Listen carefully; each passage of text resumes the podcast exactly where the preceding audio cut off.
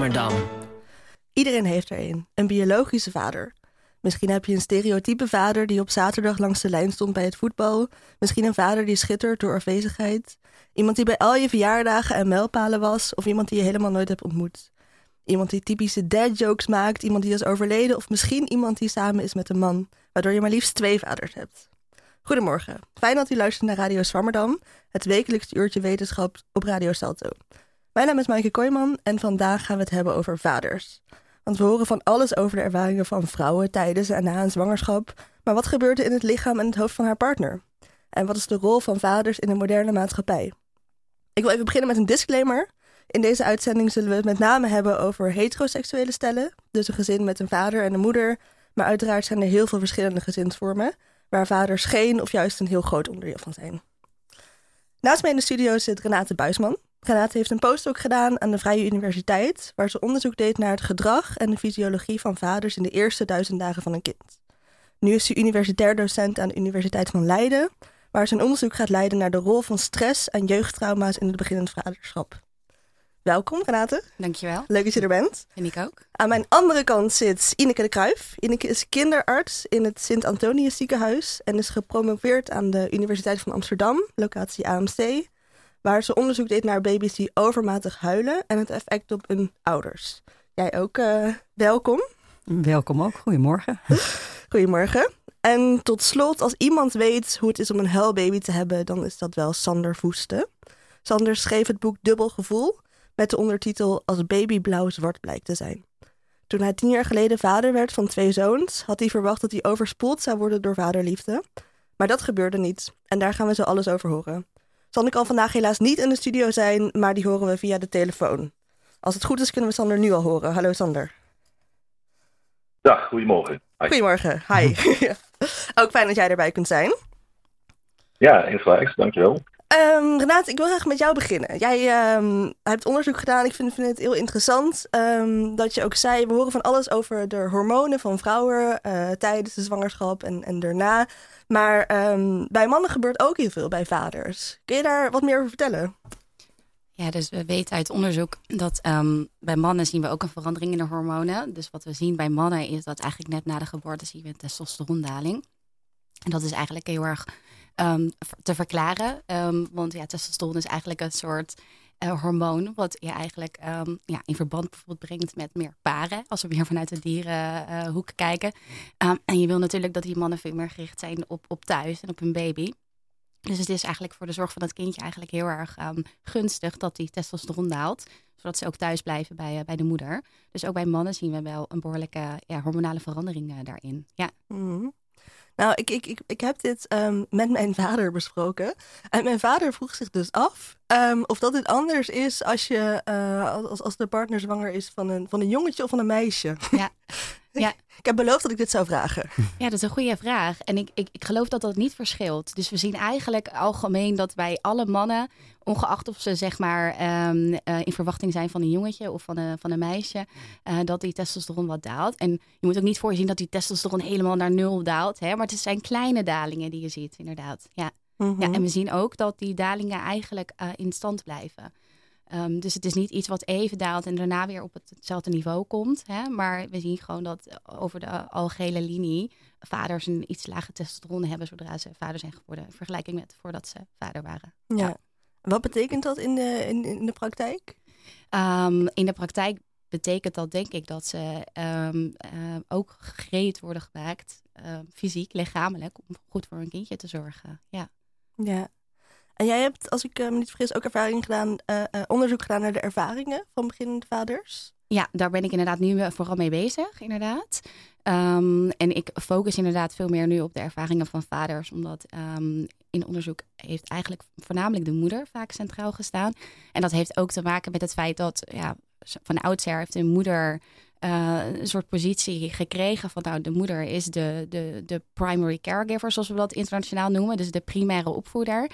Uh, en ik denk dat er nu maatschappelijke veranderingen zijn waarin die mannen eigenlijk ook steeds meer hun rol gaan pakken. Um, dus wat we ook zien is dat uh, sinds 1970 ehm, zien we dat uh, vaders uh, zes keer meer voor hun kinderen zorgen dan eerder. Dus dat is een enorme toename in het aantal uren wat zij spenderen aan de tijd met een, een kindje. En dat maakt ook dat we in onderzoek dus ook steeds meer gaan focussen op vaders. Want als we zien dat die vaders steeds meer een rol hebben in de opvoeding, dan is het ook belangrijk om te kijken hoe we die vaders dus eigenlijk goed kunnen ondersteunen en ook kunnen zorgen dat zij zo goed mogelijk papa kunnen zijn. Ja. ja. Maar je zegt zes keer meer, maar we hadden uh, vlak voor de uitzending zaten we nog even te praten. En toen Ja. zei je dat het in 1970 elf minuten was. Ja, elf minuten inderdaad. maar dat is ja. dan nu ook Ja. nog maar een uurtje. Ja, toch? als, het zes keer gemiddeld, meer is. hè? Ja. dus ik geloof zeker dat er echt vaders zijn die meer betrokken zijn. Maar het is wel goed om te weten inderdaad dat we nog steeds zien dat vrouwen toch het grote deel van de zorg toch nog wel op zich gaan nemen. En dat kan met allerlei eh, dingen te maken hebben. Bijvoorbeeld in die eerste zes maanden bijvoorbeeld zien we dat vrouwen vaak borstvoeding geven. Dus dat maakt ook hè, dat zij dicht bij een eh, kindje zijn. Maar het heeft denk ik ook nog wel te maken met bepaalde sociale verwachtingen. Dus verwachtingen in de maatschappij die we hebben. En toch ook nog verwachtingen vanuit werk. Want ik hoor ook nog wel eens om me heen ehm, van meerdere mannen dat ze in feite wel hun rol willen pakken. Maar dat de werkgever dan toch aangeeft van ja, maar ja, hè, ehm, daar wordt toch minder eh, met een open blik naar gekeken. Ehm, van oké, prima. Ja. Mhm, Ja. Dus- En je gaat nu meer focussen op de ervaringen van, van vaders. Wat Ja. ga je precies onderzoeken? ja, waar ik met name op wil focussen is eigenlijk op die transitie. Hè? Dus er gebeurt van alles als je, als je net vader bent geworden. En we zien dus inderdaad, waar ik het net over had, die hormonale wisselingen zien we bij vaders. We zien ook dat de relatie verandert natuurlijk met de partner. Dus dat heeft natuurlijk ook invloed. Maar ook überhaupt je sociale leven. Nou, dat is voor mannen net zo goed als voor vrouwen een enorme transitie. Um, en mijn onderzoek richt zich precies op uh, hoe kunnen we nou zorgen dat die transitie voor alle mannen zo soepel mogelijk verloopt. Dus wat zijn bijvoorbeeld risicofactoren voor een uh, moeilijkere transitie? En daarin kijken we bijvoorbeeld specifiek naar ervaringen in het verleden. We weten bijvoorbeeld dat als je zelf hele negatieve jeugdervaringen hebt meegemaakt, dat dat een negatieve invloed kan hebben op, op um, ja, die eerste fase met je kindje en ook op de lange termijn, het zorgen voor het kindje. Uh, dus dat is één. En we kijken ook heel erg naar stress. Want we weten dat stress ook echt een, een factor is um, ja, die maakt dat het moeilijker kan zijn om uh, ja, positief en, en, en warm op je kindje te reageren. Dus mijn onderzoek focust zich, met, focust zich met name op die fase dus. Dus hoe kunnen we zorgen dat die transitie beter verloopt. En daarin wil ik ook heel graag vaders zelf gaan horen om te kijken wat zij nou nodig hebben. Um, want ik denk dat vaders echt een stem verdienen, ook meer in, uh, in onderzoek. Dus ik kan heel erg leuk bedenken als vrouw zijn van nou, misschien dat dit werkt. Maar ik denk echt dat die stem van vaders en waar zij behoefte aan hebben, dat dat heel erg belangrijk is. Ja. -hmm. Hoe is het voor jou om, om onderzoek te doen naar iets waar je zelf nooit ervaring mee zult hebben? Um, nou, ik denk eigenlijk niet dat ik er nooit ervaring mee zou hebben. Op een bepaalde manier natuurlijk wel. Ik heb zelf twee kindjes en ik heb een, uh, een man. Uh, en ik heb ook gezien dat het voor hem ook een uh, wisseling is natuurlijk. Hè? Dus dat het ook wel een overgang is eh, van, van geen kinderen naar kinderen hebben. Um, en hoe dat voor mij is, ja, ik denk dat we heel vaak als onderzoekers onderzoek doen naar een fenomeen waar we niet per se zelf um, ervaring mee hebben, maar dat we als onderzoeker juist uh, goed uh, methoden kunnen gebruiken om zo objectief mogelijk naar uh, iets te kijken. Dat wel kan met kwantitatieve methoden, waarbij we echt meten, fysiologische metingen bijvoorbeeld doen. Maar dat kan ook met meer ja, kwalitatieve methoden, zoals we dat noemen, waarbij je echt in gesprek gaat met mensen hè, die, die dit ondervinden, om zo vanuit hun te horen van hé, hey, hoe is dit voor jou? Dus ik denk dat we als onderzoek een goed palet hebben om dat uh, te doen. Maar um, ja, ik denk dat het zeker heel belangrijk is om uh, mannen ook in dit onderzoek uh, te betrekken. Ik doe het onderzoek ook samen met um, Peter Bos. Uh, die is ook vader, dus uh, dat is heel mooi om die ook uh, erbij te hebben. En Sabine van der Astonk. En um, zij heeft ook een mooie blik daarop. Dus ja. Is er eigenlijk eerder ook onderzoek gedaan, um, misschien aan de Universiteit van Leiden uh, of ergens anders, naar het verschil tussen de verwachtingen die mannen hebben en, en hoe het echt is? Ik denk dat uh, daar vanuit de Universiteit Leiden dat daar niet per se heel specifiek onderzoek naar is gedaan. Ik denk wel dat er um, nu meer onderzoek in opkomst is, waarin inderdaad die stem van een vader wel uh, wordt gehoord. Dus ik, er is net in ieder geval onderzoek uit de UK uh, gekomen, uh, waarin ook vaders zijn bevraagd over hoe is het nou eigenlijk voor jou en was het anders dan wat je inderdaad verwacht had. En daaruit blijkt ook dat vaders het ook wel zwaarder vinden dan wat ze verwacht hadden. Ja, ja. ja. dat kan ik me wel voorstellen. Um, en dat het vaderschap lang niet altijd roziger en maneschijn is, dat weet Sander Voeste als geen ander. Hij schreef het boek Dubbel Gevoel, als baby blauw-zwart blijkt te zijn. En Sander, in ons voorgesprek zei je tegen mij, en dat vond ik opvallend, dat je na anderhalf jaar eigenlijk pas echt vader bent geworden. Hoe zit dat? Ja, dat klopt, ja. Um, ja, dat een, uh, een, een, kleine introductie nodig, denk ik inderdaad.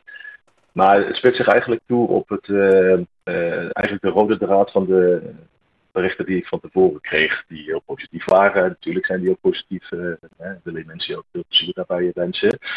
Maar de rode draad daarin was wel dat als je voor het eerst je eigen kindje vasthoudt, nou, dan ga je toch iets meemaken. Weet? Dan, dan word je echt overspoeld door liefde. En die ouderliefde die uniek is, weet je, dat je er nooit gevoeld hebt.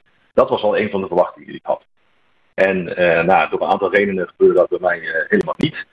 Ik was meer uh, bezorgd voor mijn vrouw. Het was een keizersnede en ik kreeg ze überhaupt wel mee wat er met de kinderen gebeurde. En leefden ze wel. En dat, daar zat weer mijn, mijn, mijn hoofd, zeg maar.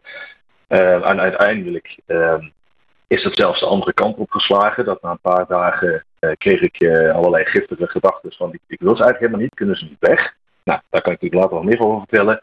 Maar daar schrik je heel erg van. Uh, en uiteindelijk, die, die echte liefde, zeg maar, wat iedereen het al van tevoren over had. Dat moment vergeet ik ook nooit meer. Maar het heeft bij mij dus anderhalf jaar geduurd voordat ik dat gevoeld heb. En dan ga je je wel redelijk vreemd voelen. Zeker omdat je niet weet dat dat bestaat. En dat nooit iemand daar iets over gezegd heeft. Dus vandaar dat ik het zo, zo duid ook. Van ja, eigenlijk werd ik pas van na anderhalf jaar echt vader. Ja, na anderhalf jaar had je, had je het idee dat je um, die, die vaderliefde waar iedereen het over had gehad, dat je die voelde. Ja, en dat was ook eigenlijk uh, een één moment. Um, wat, waardoor ik eigenlijk ook overvallen werd, maar nu in de positieve zin van het woord. Uh, en toen voelde ik ook meteen, dat, ja, dat kun je wel niet zo heel uh, in, in, woorden vatten misschien. Ik heb een poging gedaan in een paar bladzijden. Maar dan voel je ook meteen, ah, oké, okay, dit is het. Het kan dus wel. Weet je, dat mensen er was bij mij het geval. Ja. En jij, tenminste, ik neem aan dat je met het gevoel uh, heel, erg, heel erg zat en rondliep. Had je het idee dat je daarover kon praten met mensen? Ja, wisselend. Um, maar er zijn een aantal factoren voor. Kijk, ik kon het sowieso mijn vrouw over uh, hebben in het begin. En dat moest ook wel, want het was ook een soort van fysieke ervaring of zo. Het zat echt letterlijk uh, in de knopen, wij van spreken. Nou ja, die kon daar op dit moment, dat moment natuurlijk niet zo heel veel mee. Er was nog een herstellende van de keizersnede en dergelijke. Nou, weet je, dus, en we hadden een tweeling, dat hielp ook niet mee. Hè. Dan moesten twee uh, monden gevoed worden, acht keer per dag. Dus daar was er eigenlijk even geen tijd voor. Nou, uiteindelijk hebben we het daar prima met elkaar over kunnen hebben. met anderen om mij heen. Um, ja, wij waren ook nog een van de eerste stellen in die vriendengroep, tenminste mijn vriendengroep, vanuit de, mannen, zeg maar, die, die kinderen kregen. Dus dat is dan ook wel lastig om daarover te hebben. En vervolgens uh, ja, heb ik ook wel gemerkt dat het zo niet past bij het beeld van dat het allemaal leuk moet zijn. Dat zeg ik dan wat sterk, maar zo heb ik dat toen ervaren. Ja, voel je ook vrij weinig ruimte om dan een soort van klaagzang te gaan houden, want zo voelt het dan toch. Um, en denk je van, nou goed, ik focus gewoon op, het, uh, op de, aandacht aan de kinderen geven en ook aan mijn vrouw en, en daar verder in gewoon.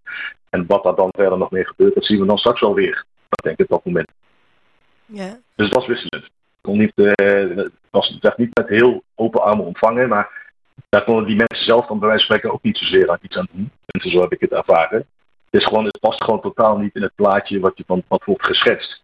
En dat maakt het al lastiger, terwijl in werkelijkheid, en dat ben ik inmiddels natuurlijk ook al achter gekomen, uh, als je daarover begint uh, te vertellen, wat later, dan hoor je uh, links en rechts allerlei verhalen over mensen die ook wel iets hebben meegemaakt. Uh, soms minder, soms nog ergere dingen. Dus bij iedereen is wel iets bij wijze van spreken. Dus, en dan begon ik het wel een beetje vreemd te vonden dat niemand het daar dan over heeft. In mijn beleving. Omdat het dus eigenlijk vrij normaal is. Dat er ook wel eens een keer iets, iets kan gebeuren wat niet tot de categorie roze wolk behoort. Ik zie Renate naast me heel hard knikken. Ja, ik vind het wel mooi omdat vrouwen ook steeds meer het gevoel hebben dat het daarover mag gaan. Hè? Dus uh, bijvoorbeeld iets van miskramen, dat is ook iets wat niet besproken wordt. Maar als je het dan erover hebt, blijkt dat heel veel mensen toch een miskraam hebben meegemaakt.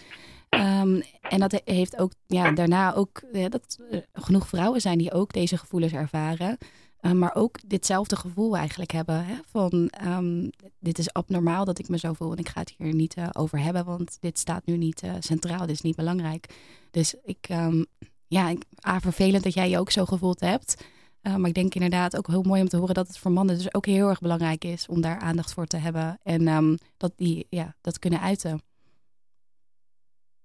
Ja, zeker, dat denk ik ook. En ik kan me ook wel voorstellen, maar dan een beetje generaliseren, is dat uh, voor mannen en spreken over wat er in hun hoofd en het gevoel omgaat, sowieso af en toe al wat lastiger. zijn, zijn we misschien als, als man wat minder gewend. Ehm, en als het over dit soort onderwerpen gaat, maar natuurlijk, en dat is nog steeds heel erg logisch en terecht, hè, dat, dat vrijwel alle aandacht gaat naar de zwangerschap en naar de zwangere vrouw. Dat is ook terecht. Ehm, maar ja, je moet die partner ook niet vergeten. Want na de geboorte is het toch echt 50-50. Althans, dat willen we eigenlijk met z'n allen. Ehm, dus dan moeten we daar echt iets anders naar gaan kijken. Ja, zeker. Dat, en dat vinden wij ook, zeg maar, vanuit onderzoek, dat we ook gewoon zien dat ja, die vader is 50% uh, ouder, zeg maar. Um, en het is gewoon heel erg belangrijk dat als die vader lekker in zijn vel zit, dan zien we ook gewoon dat het veel beter gaat met het kindje. Dus het is heel belangrijk ook dat we die vaders meer ondersteunen en daar meer oog voor hebben. Ja. Ik ben ook benieuwd, Ineke, hoe dit, hoe dit in de praktijk is. Um, Zie jij uh, in, in, in het ziekenhuis een, een, verschil, ook inderdaad in, in aandacht? Ja, ik neem aan dat jullie het zo goed mogelijk proberen te doen. Um, maar in, in aandacht naar vaders en moeders. Um, nou, jij ziet wel, uh, ja, ik, ben al, ik zie veel kinderen die uh, jong zijn, die, die veel huilen. Dat zijn jonge kinderen. Dan komen vaak eigenlijk ook wel beide ouders op het spreekuur, omdat de zorgen er zijn. Um, maar naarmate het kindje ouder wordt, zie je eigenlijk vaker de moeder meekomen als de vader, zeker. En hetzelfde geldt als kindjes opgenomen moeten worden in het ziekenhuis. Dan slaapt eigenlijk vaker de moeder erbij als de vader. Dus daar zie je inderdaad ook wel verschillen in. En ik denk wel dat het nu, de tijd is gewoon wat anders, omdat het vaderschapsverlof er is. Dus ik heb het idee dat dat wel echt gaat helpen om die vader wat dat betreft uh, wat meer uh, nou ja, in zijn kracht te zetten. Maar ik denk tegelijkertijd dat uh, wat Sander ook in zijn boek wel beschrijft, is dat het gewoon heel erg ingericht is op de moeder en op de zwangere vrouw. en ook vaak dat het geschreven wordt en gedaan wordt vanuit het perspectief van de vrouw. Dus ik, ik denk dat het heel belangrijk is dat ook juist vaders daarin mee gaan lezen en gaan kijken van wat voor informatie moet daarin staan. Ja, de informatie is, is, is heel erg gericht op vrouwen. Zeker, ja. Volgens mij, Sander, is dat ook iets wat jij benoemt in je boek, toch? Ja, dat klopt. En kijk, dat is ook wel een beetje in de, in de categorie ehm, dat dat dus ook heel erg logisch is. En dat je, uh, ik zie het ook best als een wisselwerking. Hè? Dus hoe ik het althans ervaren heb, is dat ja, de informatie is natuurlijk met name gericht op de vrouw en op het fysieke deel en het gezondheidsdeel. Hè, daar. Um, en de informatie die je als man krijgt, heeft eigenlijk alleen maar te maken met dingen regelen. De, de kinderkamer verven, uh, de vluchttas zetten eigenlijk uh, als je blijft en je, je, je, vertrekt niet met de Noorderzon, dan doe je het eigenlijk al goed. Hè? De rest hoef je niet zoveel te doen, althans. Beeld wat mij toen uh. Maar dat betekent dus ook dat je als man dan zelf uh, ook niet echt een, stapje extra zet of zo. Of meer engaged bent in het proces. Omdat je denkt, ja, oké, ik moest twee dingen regelen. Die heb ik geregeld. En voor de rest zien we het wel even oneerbiedig gezegd. Dat is een beetje wat ik ook had. Uh, dus het, is ook wel een wisselwerking. Dus mannen in het algemeen kunnen zelf ook wel een stapje zetten. En dat had ik misschien zelf ook wel, uh, wel kunnen doen. Maar je wordt ook niet echt uitgenodigd door de, de, ja, de hele manier van communicatie voordat de geboorte daar is. ja, dat, dat vond ik wel. Want we hadden het er net al even over. Maar je zei, ik zei ook van nou zou het dan heel erg helpen als je gewoon aan die man überhaupt zou vragen van hoe gaat het überhaupt met jou? Hè? Um, had dat jou geholpen, die vraag? Ja, kijk, dat, dat is natuurlijk achteraf wat uh, moeilijk om te zeggen. Uh, wat mij, ik kan wel heel goed duiden wat mij wel geholpen heeft uh, toen de kinderen er waren net. En toen ik dus opgevallen werd die hele negatieve gedachten, gevoelens. dat heb ik toen ook met de kamerverzorgster kunnen bespreken. En het enige wat ze eigenlijk hoefde te zeggen, wat mij al heel erg hielp, is dat zij misschien ook niet wist wat het was, maar dat ze het eerder had gezien. Dat ik niet de enige was. dus in een, als we dat vertalen naar het voortraject, als je al de vraag zou krijgen, inderdaad, als partner, van joh, hoe gaat het eigenlijk met jou? Hoe kijk jij dan naar? Of, dat, dat, dat is het begin van uh, ruimte maken uh, om ook een antwoord terug te kunnen krijgen van die man in dit geval. En ik kan me best voorstellen dat, ook als ik die vraag had gehad destijds, dat ik daar misschien niet eens meteen een antwoord op had, omdat ik hem ook niet verwachtte. maar dan zou je het misschien kunnen aangeven van joh, denk daar eens even over na, hè, want dat deel is ook belangrijk. Of jij bent ook belangrijk om het zo te zeggen. Hè. Um, en dan uh, bij de volgende controleafspraak, nou, laten we daar dan ook even, even over hebben bijvoorbeeld. Dan nodig je zo iemand ook uit om een stapje te zetten, om daarover na te denken en ook met een antwoord te komen.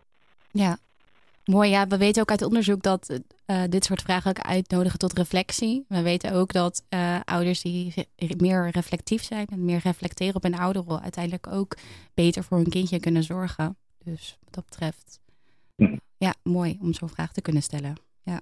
Ja, en ik denk ook dat het, um, dit doet me denken aan, aan jou Ineke, Um, Sander zegt natuurlijk, wat ik eigenlijk nodig had, was, was dat, het, uh, dat iemand zei dat het normaal was. Um, jij hebt uh, een podcast gemaakt, of tenminste, je bent, je bent initiatiefnemer.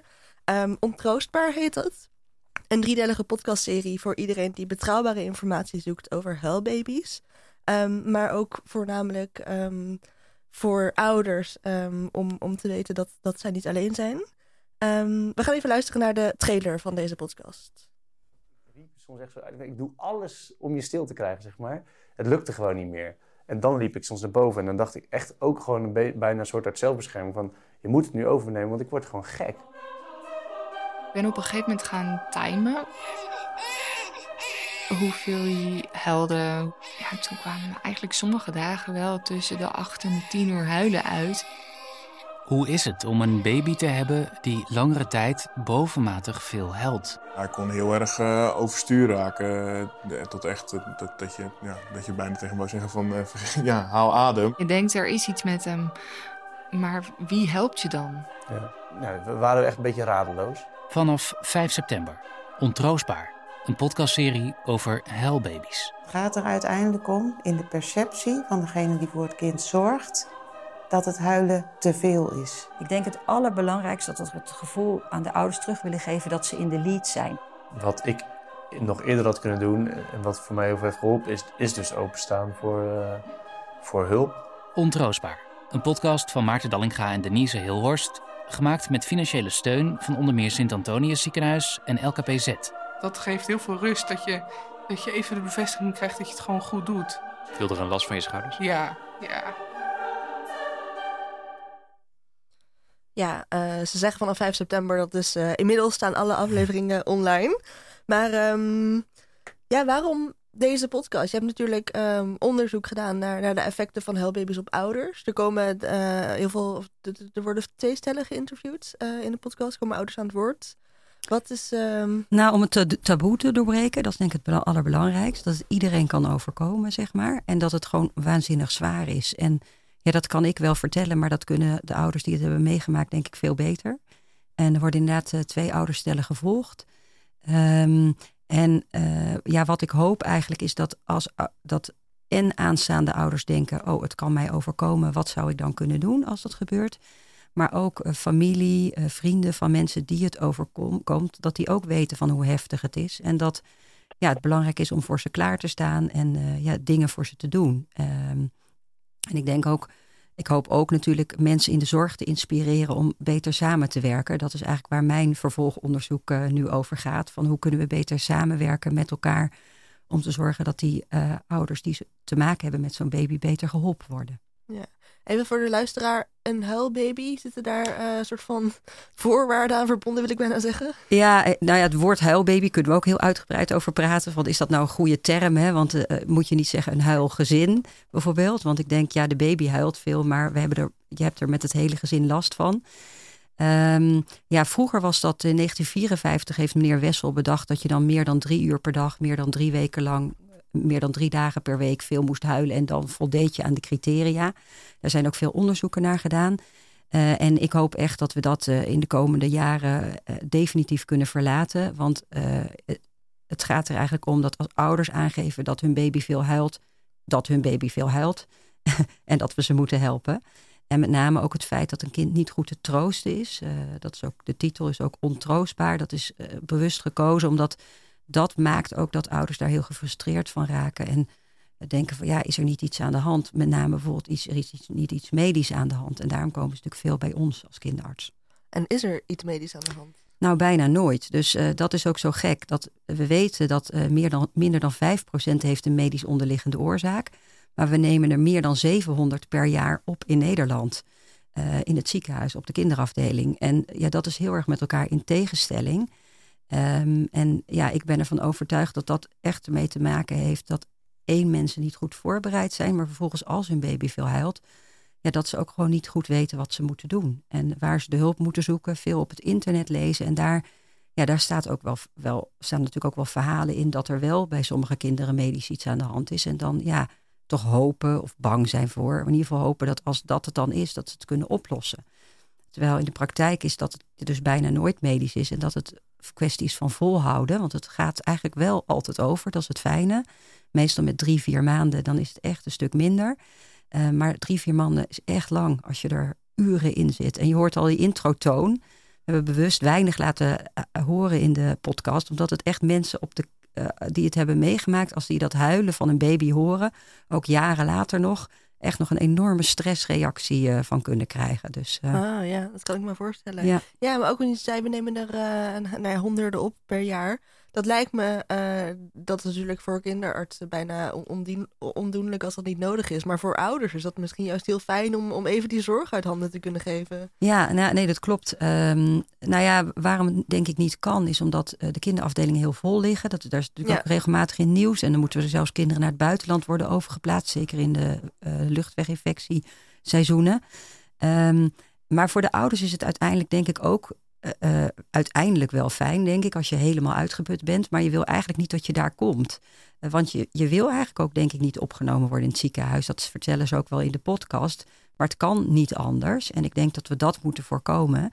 Want ja, als je opgenomen wordt in het ziekenhuis, A, bewijst dat misschien dat je het niet kon. Dat is niet fijn. Je wil eigenlijk wel dat ouders een goed gevoel hebben dat ze het wel kunnen. En B, kan je kind natuurlijk ook nog wat anders oplopen als die al in het ziekenhuis ligt. Ja. Dus eigenlijk willen we, is denk ik heel belangrijk dat we ja, daarvoor veel beter samenwerken. En bijvoorbeeld ook de ouders die er last van hebben eerder opsporen. We zijn nu bezig om, een tool daarvoor te ontwikkelen om in de JGZ alvast de ouders op te sporen die er last van hebben. JGZ? Uh, jeugdgezondheidszorg. Dus als Mhm. je bij het consultatiebureau komt, dat er actief uh, gescreend wordt om te kijken van huil, huilt de baby veel. Het zijn er, we schatten ongeveer 12.000 per jaar in Nederland. Ongeveer 7% van de baby's huilt veel. Uh, om degene die veel huilen en de ouders die er dan last van hebben, om die eerder op te sporen, zodat we die gericht kunnen helpen. Bijvoorbeeld technieken toe te passen als inbakeren en al die dingen. En ik denk dat dat heel erg kan helpen. Ja. Op welke manier hebben die ouders daar last van? Nou, ik denk uh, het gevoel dat ze het niet goed genoeg doen voor hun kindje, omdat hij blijft huilen. Omdat ze eigenlijk niet, A1, niet weten wat er aan de hand is. En twee, uh, eigenlijk het babytje niet goed kunnen troosten. Uh, en ik, voor, voor allebei is denk ik belangrijk dat, dat er een arts goed meekijkt van is er echt niet iets medisch aan de hand. En dat kan heel vaak de huisarts of de jeugdarts doen. Maar als dat onvoldoende is, dan is het belangrijk dat er ook makkelijk kan worden doorverwezen juist naar de kinderarts, want die is daarin gespecialiseerd. Um, en anderzijds het aanleren van bijvoorbeeld bepaalde troosttechnieken, bepaalde dingen uh, die je zou kunnen doen. Um, dus ik denk dat, uh, ja, dat daar een hele belangrijke taak ligt, ook wel voor de jeugdgezondheidszorg, om die op te pakken. Ja, en wat ik, wat ik ook heel interessant vind aan je onderzoek is dat je ook hebt gekeken naar het verschil tussen vaders en moeders in, in die ervaring. Ja, klopt. Uh, we hebben, ja, in mijn uh, promotieonderzoek hebben we gekeken, zeg maar, hoe gaat het nou met de gevoelens van ouders die met hun baby naar de kinderarts toe komen versus een gezonde controlearts, een controlegroep van Mhm. ouders die bij de jeugdgezondheidszorg kwamen. En het bleek dat zowel die moeders als die vaders meer stress, angst, depressie en minder binding ervoeren. Maar als je dat dan, zeg maar, die gevoelens uh, eigenlijk uh, correleerde aan de ge gevoelens van de andere ouder, dan verdween eigenlijk het verschil bij stress en ervaren binding. En dat wil bij vaders en bij moeders niet. Dus dat betekent eigenlijk, als je dat vertaalt, dat die vaders eigenlijk waarschijnlijk veel meer last hebben van de stress van de moeder en van de minder goede binding van de moeder. Um, dus van het huilen van de baby, als van dat ze last hebben van het huilen van de baby. Ik zeg hem ingewikkeld. Ze hebben meer last van de gevoelens van moeder als van het huilen van de baby. Ja. Op stress en op ervaren binding. Terwijl juist angst en depressie, dat was wel heel duidelijk dat dat waarschijnlijk wel te maken had met het huilen van de baby. En veel minder met de moeder. Ja, ja. En Sander, um, jij had um, bovenop dat je uh, überhaupt negatieve gevoelens had rondom het vaderschap in de eerste anderhalf jaar. Um, ook een baby die, die heel veel huilde. Hoe was dat voor jou? Mm.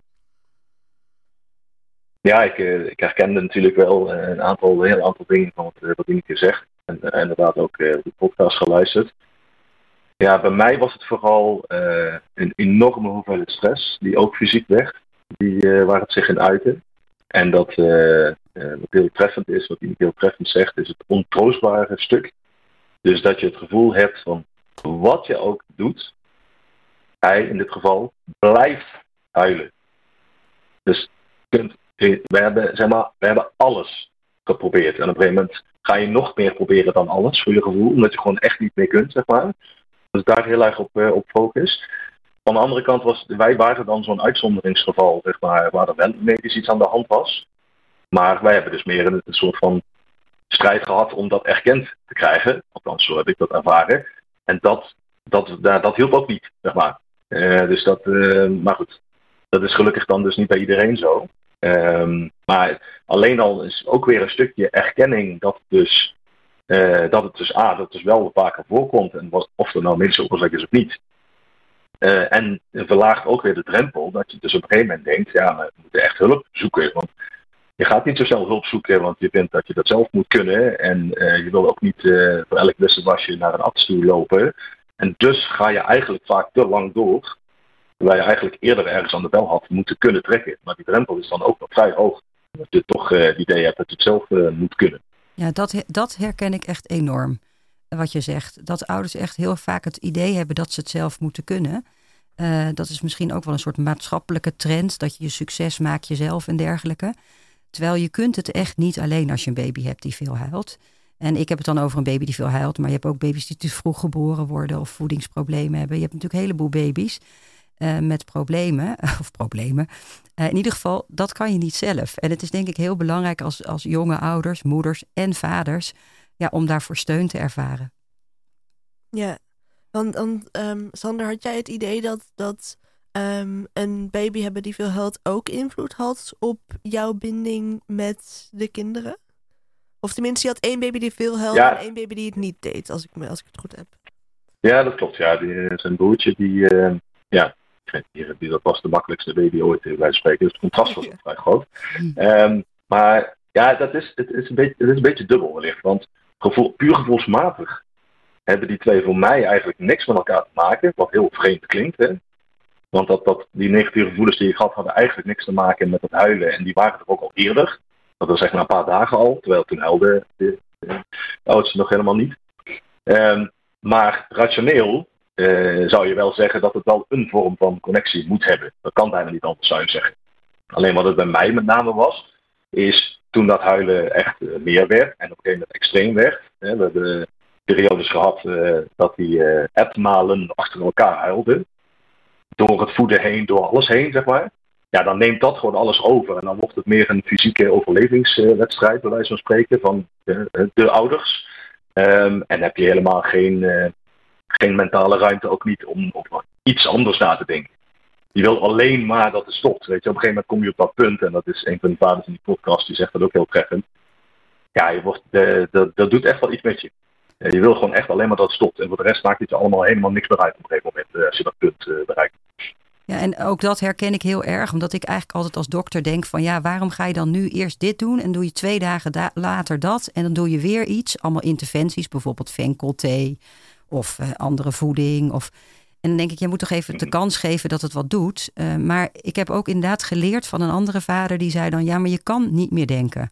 Het is niet meer dat je, je boven jezelf kan staan en denken: Oh, ik doe nu dit, we gaan even het effect afwachten. Je denkt: geef nu een oplossing. Dus dat vond ik ook als hulpverlener wel echt heel goed om dat te horen. Omdat het je wel heel erg helpt. En dat, je, dat ik dus, dus heel belangrijk is dat er ook iemand is ja, die dan naast de ouder gaat staan en met ze mee gaat kijken van wat is er nou aan de hand en wat kun je doen en wat kun je niet doen.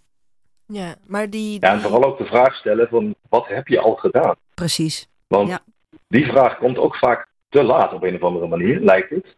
En want dan kun je als ouder ook, ook voor jezelf, hè, dat je jezelf eigenlijk vertelt dat je het wel goed aan het doen bent, of in ieder geval je best aan het doen bent, dan kun je vertellen welke boeken je allemaal gelezen hebt, welke informatie die je inderdaad van het internet geplukt hebt, waarvan je zelf ook wel weet dat je niet alles moet geloven wat er staat. Alleen, als je te lang doorgaat, dan kom je op het punt dat je alles gaat proberen, ook al weet je dat het niet werkt, dan nog maakt het je niks meer uit, bij spreken. En dat moet je wel zien te voorkomen. Dat Ja. denk ik ook wel. Ja, ja, en daar moet je ook overheen stappen. Want ja, iedereen gaat bijvoorbeeld ook naar de osteopaat. En uh, ja, als je daar niet naar vraagt als arts, dan gaan ouders dat ook niet altijd vertellen. Want dan is er ook een soort van, ja, weet je, dat zeggen we maar niet tegen de dokter. Um, dus ik denk dat het heel belangrijk is dat je als zorgprofessional open staat voor alles wat ouders doen en waar ze inderdaad wat ze hebben gelezen en daar ook expliciet naar vraagt. Wat hebben ze gelezen op Facebookpagina's? Wat hebben ze gehoord van influencers? Ja, daar moeten we eigenlijk veel meer voor openstaan, denk ik. Ja, en wat ik heel uh, typerend vond. Uh, ik kan me voorstellen dat het, dat het vooral als vader heel moeilijk is. Omdat je, uh, kijk, als, als, als vrouw heb je een, een baby in je buik. En dan, dan um, bouw je er al een beetje een band mee op. Als, als vader heb je dat een stuk minder. En er zegt in de podcast zegt ook een vader op een gegeven moment: um, van ja, ik, ik, ik had juist zo'n zin in een kraamtijd. Omdat ik dan ook dingen kon gaan doen voor dat kind. Ja, ik, maar ik kan me best voorstellen dat, dat, dat het vooral voor vaders misschien meer invloed heeft op, op, op de binding. Ja, die, die, die vader die zei van nou dan komt, dan komt dat gevoel. Dat is eigenlijk ook een beetje wat Sander uh, zegt. Van als die baby er eenmaal is, dan kan ik ook van alles gaan doen. En dan, kom, dan komt dat gevoel vanzelf. En dat, ja, dat beschrijft Sander heel mooi. Dat dat bij sommige vaders denk ik uh, niet komt. En als je uh, zeg maar een baby hebt die veel huilt, dan is die kans dat je daarvan van in de stress raakt nog veel groter. Uh, dat is misschien ook wel goed om te benoemen in getallen, zeg maar. Als je naar de kinderarts komt met je baby die veel huilt, vergelijken met een controlegroep, dan heb je in de controlegroep ongeveer 11% kans als moeder om depressieve klachten te hebben. En bij de kinderarts voor de moeder is dat 50%, maar bij de vader is dat 27%. Dus dat is ook echt ruim een kwart van de vaders die dan op dat moment uh, depressieve klachten heeft. Dus ik denk dat het heel belangrijk is dat we ons dat beseffen als hulpverleners en er inderdaad naar vragen waar het eerder al over ging. Hoe gaat het met jou aan de vader en daarop terugkomen? En ook als ze niet meekomen, ze misschien actief opzoeken. Ja, ja. Ik vind überhaupt, um, ik heb het daar ook met Renate eerder over gehad. Um, zeg maar, de, de, um, het feit dat vaders ook een postnatale depressie kunnen krijgen, daar had ik helemaal niet bij stilgestaan. En dat vind ik eigenlijk heel bizar van mezelf, maar dat hoor je gewoon nooit. Ja, dat klopt. Ja, ongeveer drie. Ja, de, schattingen lopen nogal uiteen, want dat is natuurlijk lastig om vast te stellen. Maar zo'n 3 tot 10 procent van de vaders kan een uh, ja, postnatale depressie uh, dus krijgen. Um, en dat heeft natuurlijk te maken met allerlei uh, zaken. Want bij vrouwen zien we het misschien vaker, omdat daar nog wat meer hormonale veranderingen zijn. Hè. Dus bij vrouwen is het natuurlijk een enorme hormonale verandering net na de, de net na de zwangerschap. Hè, waarbij um, estradiol heel erg daalt en oxytocine heel erg toeneemt met de borstvoeding allemaal. Um, maar bij mannen zien we daarin ook veranderingen. Dus ik denk dat het een beetje hormonaal te verklaren is. Maar tegelijkertijd ook te verklaren is door de stress die toch het zorgen voor een kindje met zich mee kan brengen. Uh, een verandering in de rol en ook een verandering in de partnerrelatie.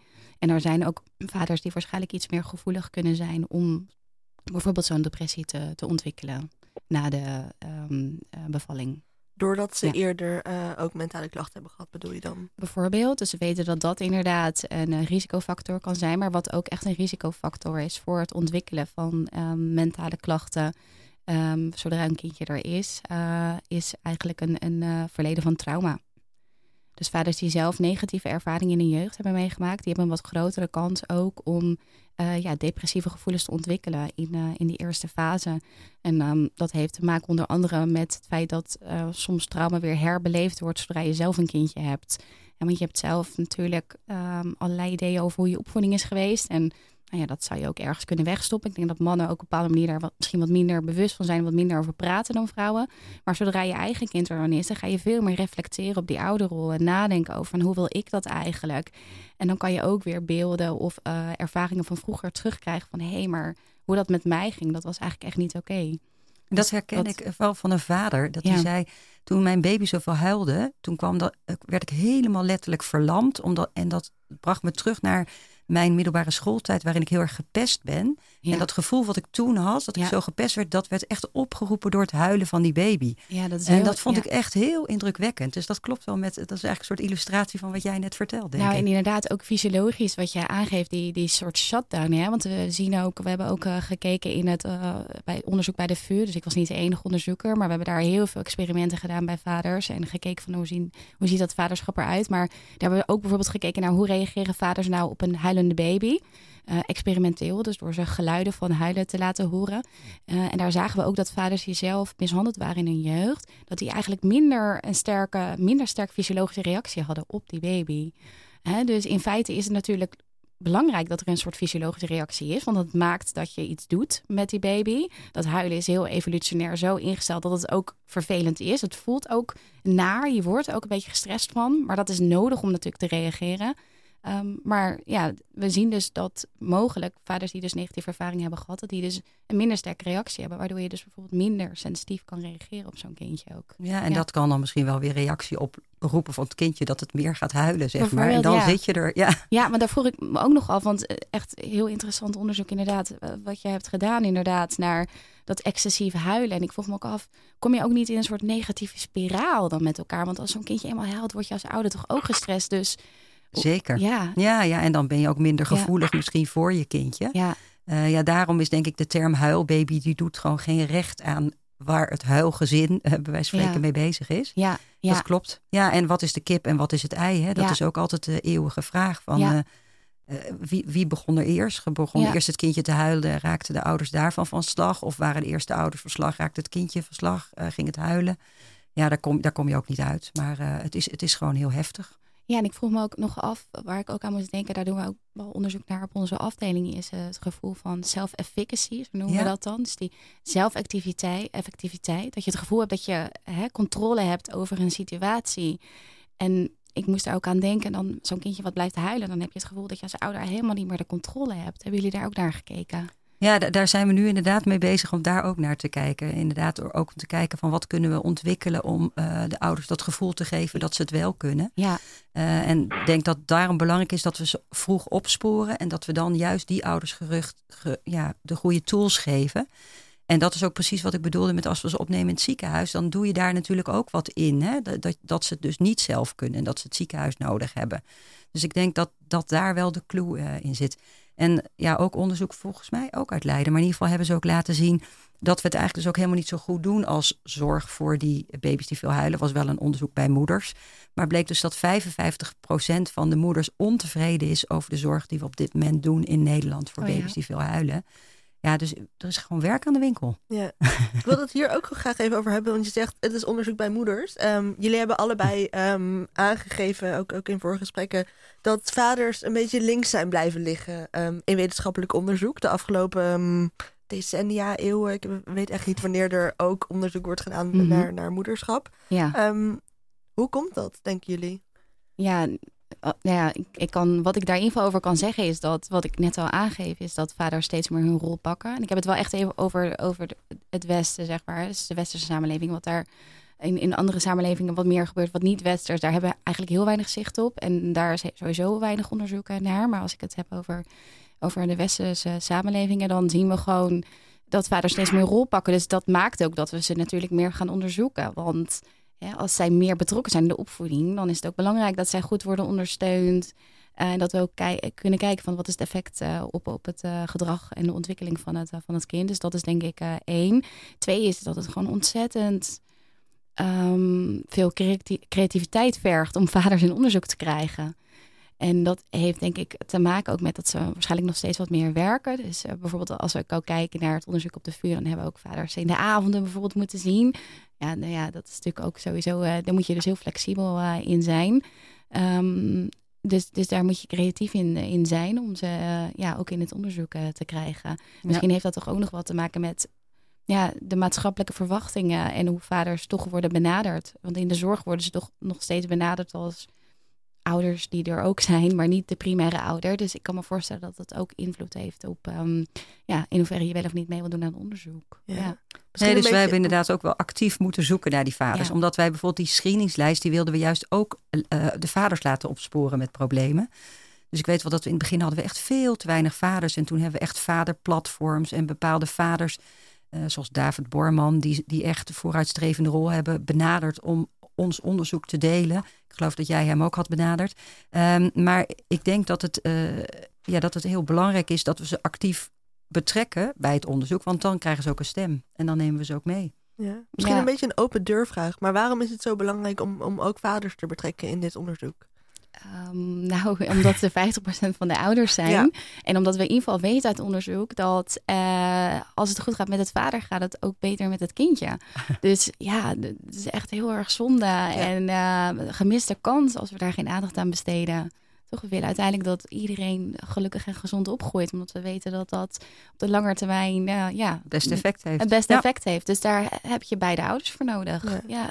Ja. Nou ja, ik vind het interessant inderdaad Ja. om, om ook ehm, even de, de rol van Van ehm, bijvoorbeeld de betrokkenheid van, van de vader de, ehm, zeg maar in, in eh, de opvoeding van het kind te benadrukken. Of, of de mentale gezondheid van het kind. Ja. Dat is ook natuurlijk een beschermende factor. Hè? En juist als het met de moeder minder goed gaat, is het natuurlijk heel fijn dat er een vader is die, die er wel is, zeg maar. Dus ook zo om kan je hem uh, al inzetten. Ja. En in de praktijk is het ook nog wel eens zo, is mijn ervaring met uh, de kinderen die veel huilen, dat de moeders het eerst onderuit gaan en pas veel later de vaders. Want dat kan dan eigenlijk ook gewoon niet. Zij moeten er doorgaan. Maar dan tegen de tijd dat het kindje een jaar is, dan, uh, ja, dat dan de vaders echt aangeven: het gaat echt niet meer. Maar ik weet niet hoe dat bij Sander was. Maar dat, dat is wel iets wat ik uit de praktijk uh, herken. Ja. En Renate, jij. Ja, bij ons was dat betreft misschien. Nou, excuus. Uh, ja, dit misschien ook weer natuurlijk niet het, uh, het standaardgeval, omdat wij twee kindjes tegelijk hadden. En waren we allebei eigenlijk gewoon in het ja. begin daar fulltime mee bezig. Ja. En dat, dat ging eigenlijk niet, maar het ging uiteindelijk, het moest dus, dus deden we het met uh, vrij nemen en vakantie en noem maar allemaal op. Dus ja, dat is ook weer niet het standaard geval. Hè? Um, nee. Maar je, ik herken wel wat je zegt, van, joh, dat je, je gaat met elkaar afspreken uiteindelijk wie welke dag mag omvallen, ongeveer. Ja. Oh, ja. En op die dag dat jij niet aan de beurt bent, kun jij dus niet omvallen. Maar één dag hou je nog wel vol. En zo ga je dat op een gegeven moment doen. Ja. Weet je, dus je gaat er wel dingen voor bedenken samen. Uh, maar je hebt elkaar wel echt nodig, ja, met z'n twee. Dat klopt. Ja. En Renate, je hebt, je hebt onderzoek gedaan, of, of, en dat ga je ook doen naar interventies voor vaders om, om hen weerbaarder te maken. Ja. Um, hoe zou zoiets eruit zien? Ja, dat is een hele goede vraag. Dus ik, er, voor nu zijn er gewoon heel weinig, uh, zo niet geen interventies voor vaders in die fase. Um, dus mijn onderzoek richt zich echt op die vraag, ook aan vaders, van wat zouden jullie nou eigenlijk nodig hebben? Dus in eerste instantie kijk ik natuurlijk in mijn onderzoek naar, nou, wat zijn nou beschermende factoren hè? Uh, en wat zijn risicofactoren voor je welzijn? Hè? Maar um, vervolgens wil ik dan ook weten van oké, maar maar wat moeten we dan doen? En uh, daarvoor ga ik in gesprek met vaders, uh, maar ook in gesprek met professionals in de praktijk. Uh, voornamelijk om te kijken van nou, wat, wat gebeurt er al? Want er gebeurt ook wel wat al. Het is niet zo dat er helemaal geen aandacht is. Um, Um, maar dat moeten we boven tafel zien te krijgen. En ja, er zijn verschillende ideeën over. Um, uit onderzoek blijkt dat het anonieme uh, fijn kan zijn. Dus gewoon een soort uh, appdienst voor vaders. Maar tegelijkertijd blijkt uit onderzoek ook wel weer dat vaders ook wel het fijn vinden om juist met andere mannen in contact te komen en met andere mannen te praten. Um, ja, en praktisch, ja. hè? Want wij ja. merken bijvoorbeeld, een, we hebben een troosttechniek die we dan aanleren. Ja. En dat werkt fantastisch bij vaders. Heel eerlijk, vaders kunnen dat beter als moeders. Want die volgen namelijk, de, die luisteren.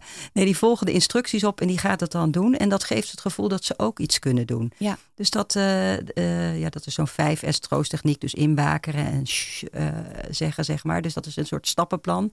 En we merken ook vaak dat dat, dat, dat goed werkt. Dus hele praktische dingen. Ja, je wil heel veel effect hebben eigenlijk op de band met je kindje ook, als ik het ja. zo hoor. Ja, ja. ja. En uh, Sander, zijn er dingen, dat is een hele brede vraag, maar um, die jij van tevoren had willen weten of, of die um, jou beter hadden kunnen voorbereiden op het vaderschap en, en ook op de mogelijkheid dat het misschien niet zo'n roze wolk was? Uh, ja, zeker. En ja, het klinkt een beetje als een, uh, het makkelijk antwoord misschien, maar letterlijk dat. Dus A, informatie, überhaupt de notie van het idee dat er dus best wel een aantal dingen kunnen gebeuren die niet zo leuk zijn. Uh, maar dat je dat, weet je, dat dat ook kan. Dat dat, hè, hoe normaler we dat maken, uh, hoe minder uh, gek en raar je je voelt op het moment dat dat dan overkomt. Um, en daarnaast is het ook een stukje, uh, stukje informatief. Ik denk dat je ja, die vraag die nu net gesteld werd, wat, mij had, had geholpen daarin, maar goed, ik ben maar één iemand, is wel dat je van tevoren in het voortraject uh, meer informatie krijgt dan alleen maar praktische zaken. En dat je als uh, stel, als, als bijna ouders, in het algemeen ook te horen krijgt van, joh, we kunnen ook een hoop dingen niet zo lekker lopen. Dat is helemaal oké, dat gebeurt zo en zo vaak. Hè? Dat je ook een stukje validiteit krijgt.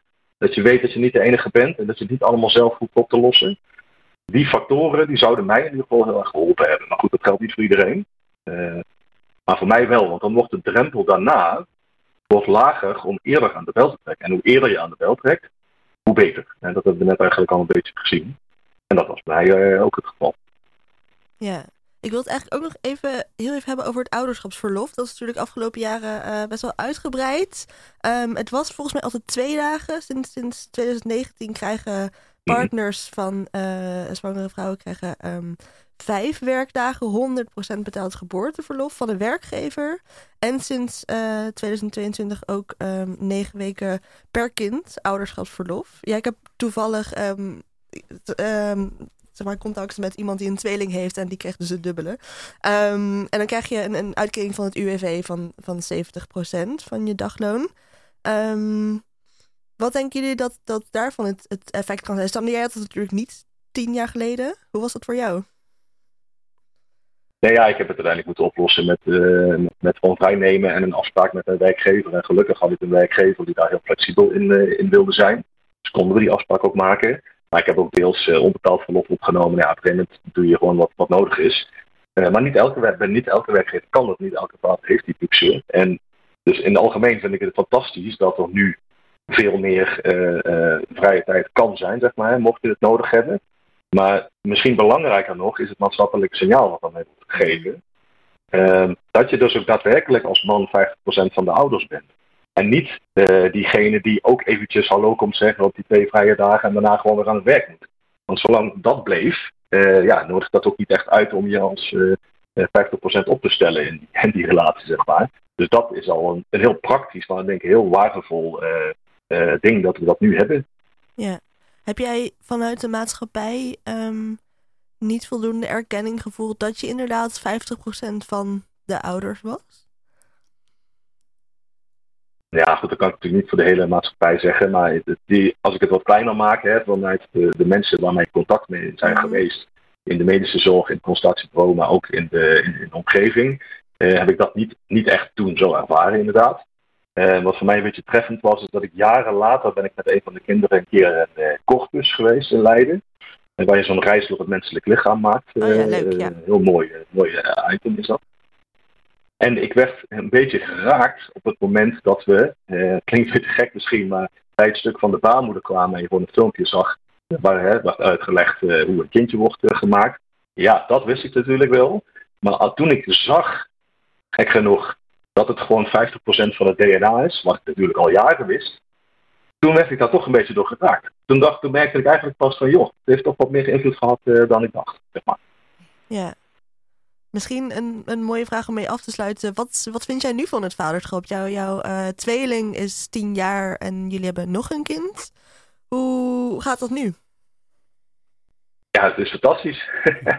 ik vind het, uh, uh, weet je, na die, die eerste periode, dat was inderdaad niet zo leuk. Maar daarna is het, ja, is het prachtig en is het ook in de categorie van mij gevoel, zeg maar, hè, van, waar je inderdaad van tevoren mensen over hoorde dat nou ja, je kunt binnen 15 seconden zeg maar, kun, je, kun je een kindje hebben wat het bloed onder je naad vandaan haalt en daarna giegend van het lachen samen met je over de grond rolt.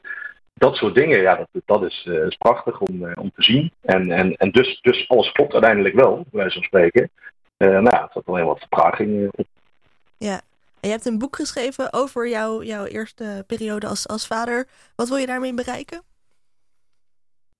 Um, nou, ik wil eigenlijk twee dingen bereiken. Als eerste wil ik een stukje erkenning kunnen geven voor andere mannen, maar ook vrouwen, die misschien ook zoiets meemaken. Dat ze denken, ja, ik kan nu gewoon lezen dat ik niet de enige ben. dus, dus je bent niet gek en je bent niet alleen. En het tweede wat ik eigenlijk wil bereiken is meer praktisch. Is dat dus in de voorbereiding informatie, die je als zwanger stel kunt krijgen, ja, dat het bij wijze van spreken in elk boekje gewoon één zwarte bladzijde komt.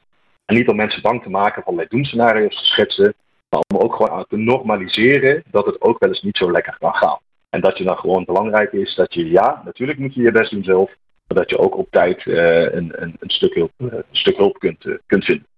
Ja, ja dat lijkt me mooi. Ik hoop dat het gaat lukken. Ik denk dat je een mooie beweging er onderdeel van bent en misschien op gang hebt gebracht. Hiermee sluit ik ook meteen de uitzending van vandaag af. We zijn bijna door de tijd heen. Ik wil Renate Buisman, Ineke de Kruif en Sander Voesten heel hartelijk bedanken voor het interessante gesprek. Wil je meer lezen of horen, zoek dan even naar de podcast Ontroostbaar van Ineke de Kruif over ouders van huilbabies. En het boek Dubbelgevoel van Sander, waarin hij zijn eerste jaren als vader beschrijft. Dank ook aan um, in de techniekhoek Bart, in het techniekhok, sorry, Bart Verplanken. Um, u luistert naar Radio Swammerdam, het wekelijks uurtje wetenschap op Radio Salto. Deze uitzending wordt vandaag nog geüpload op je favoriete podcastkanaal. Dan kun je hem terugluisteren, delen en je vindt er uiteraard ook onze eerdere afleveringen. Wil je nooit meer iets missen van Radio Swammerdam? Volg ons dan op LinkedIn, Twitter of Instagram. Mijn naam is Maaike Kooijman en volgende zondag om 11 uur op Radio Stelto zijn we weer terug met Radio Swammerdam. Voor nu wens ik u nog een heel fijne zondag.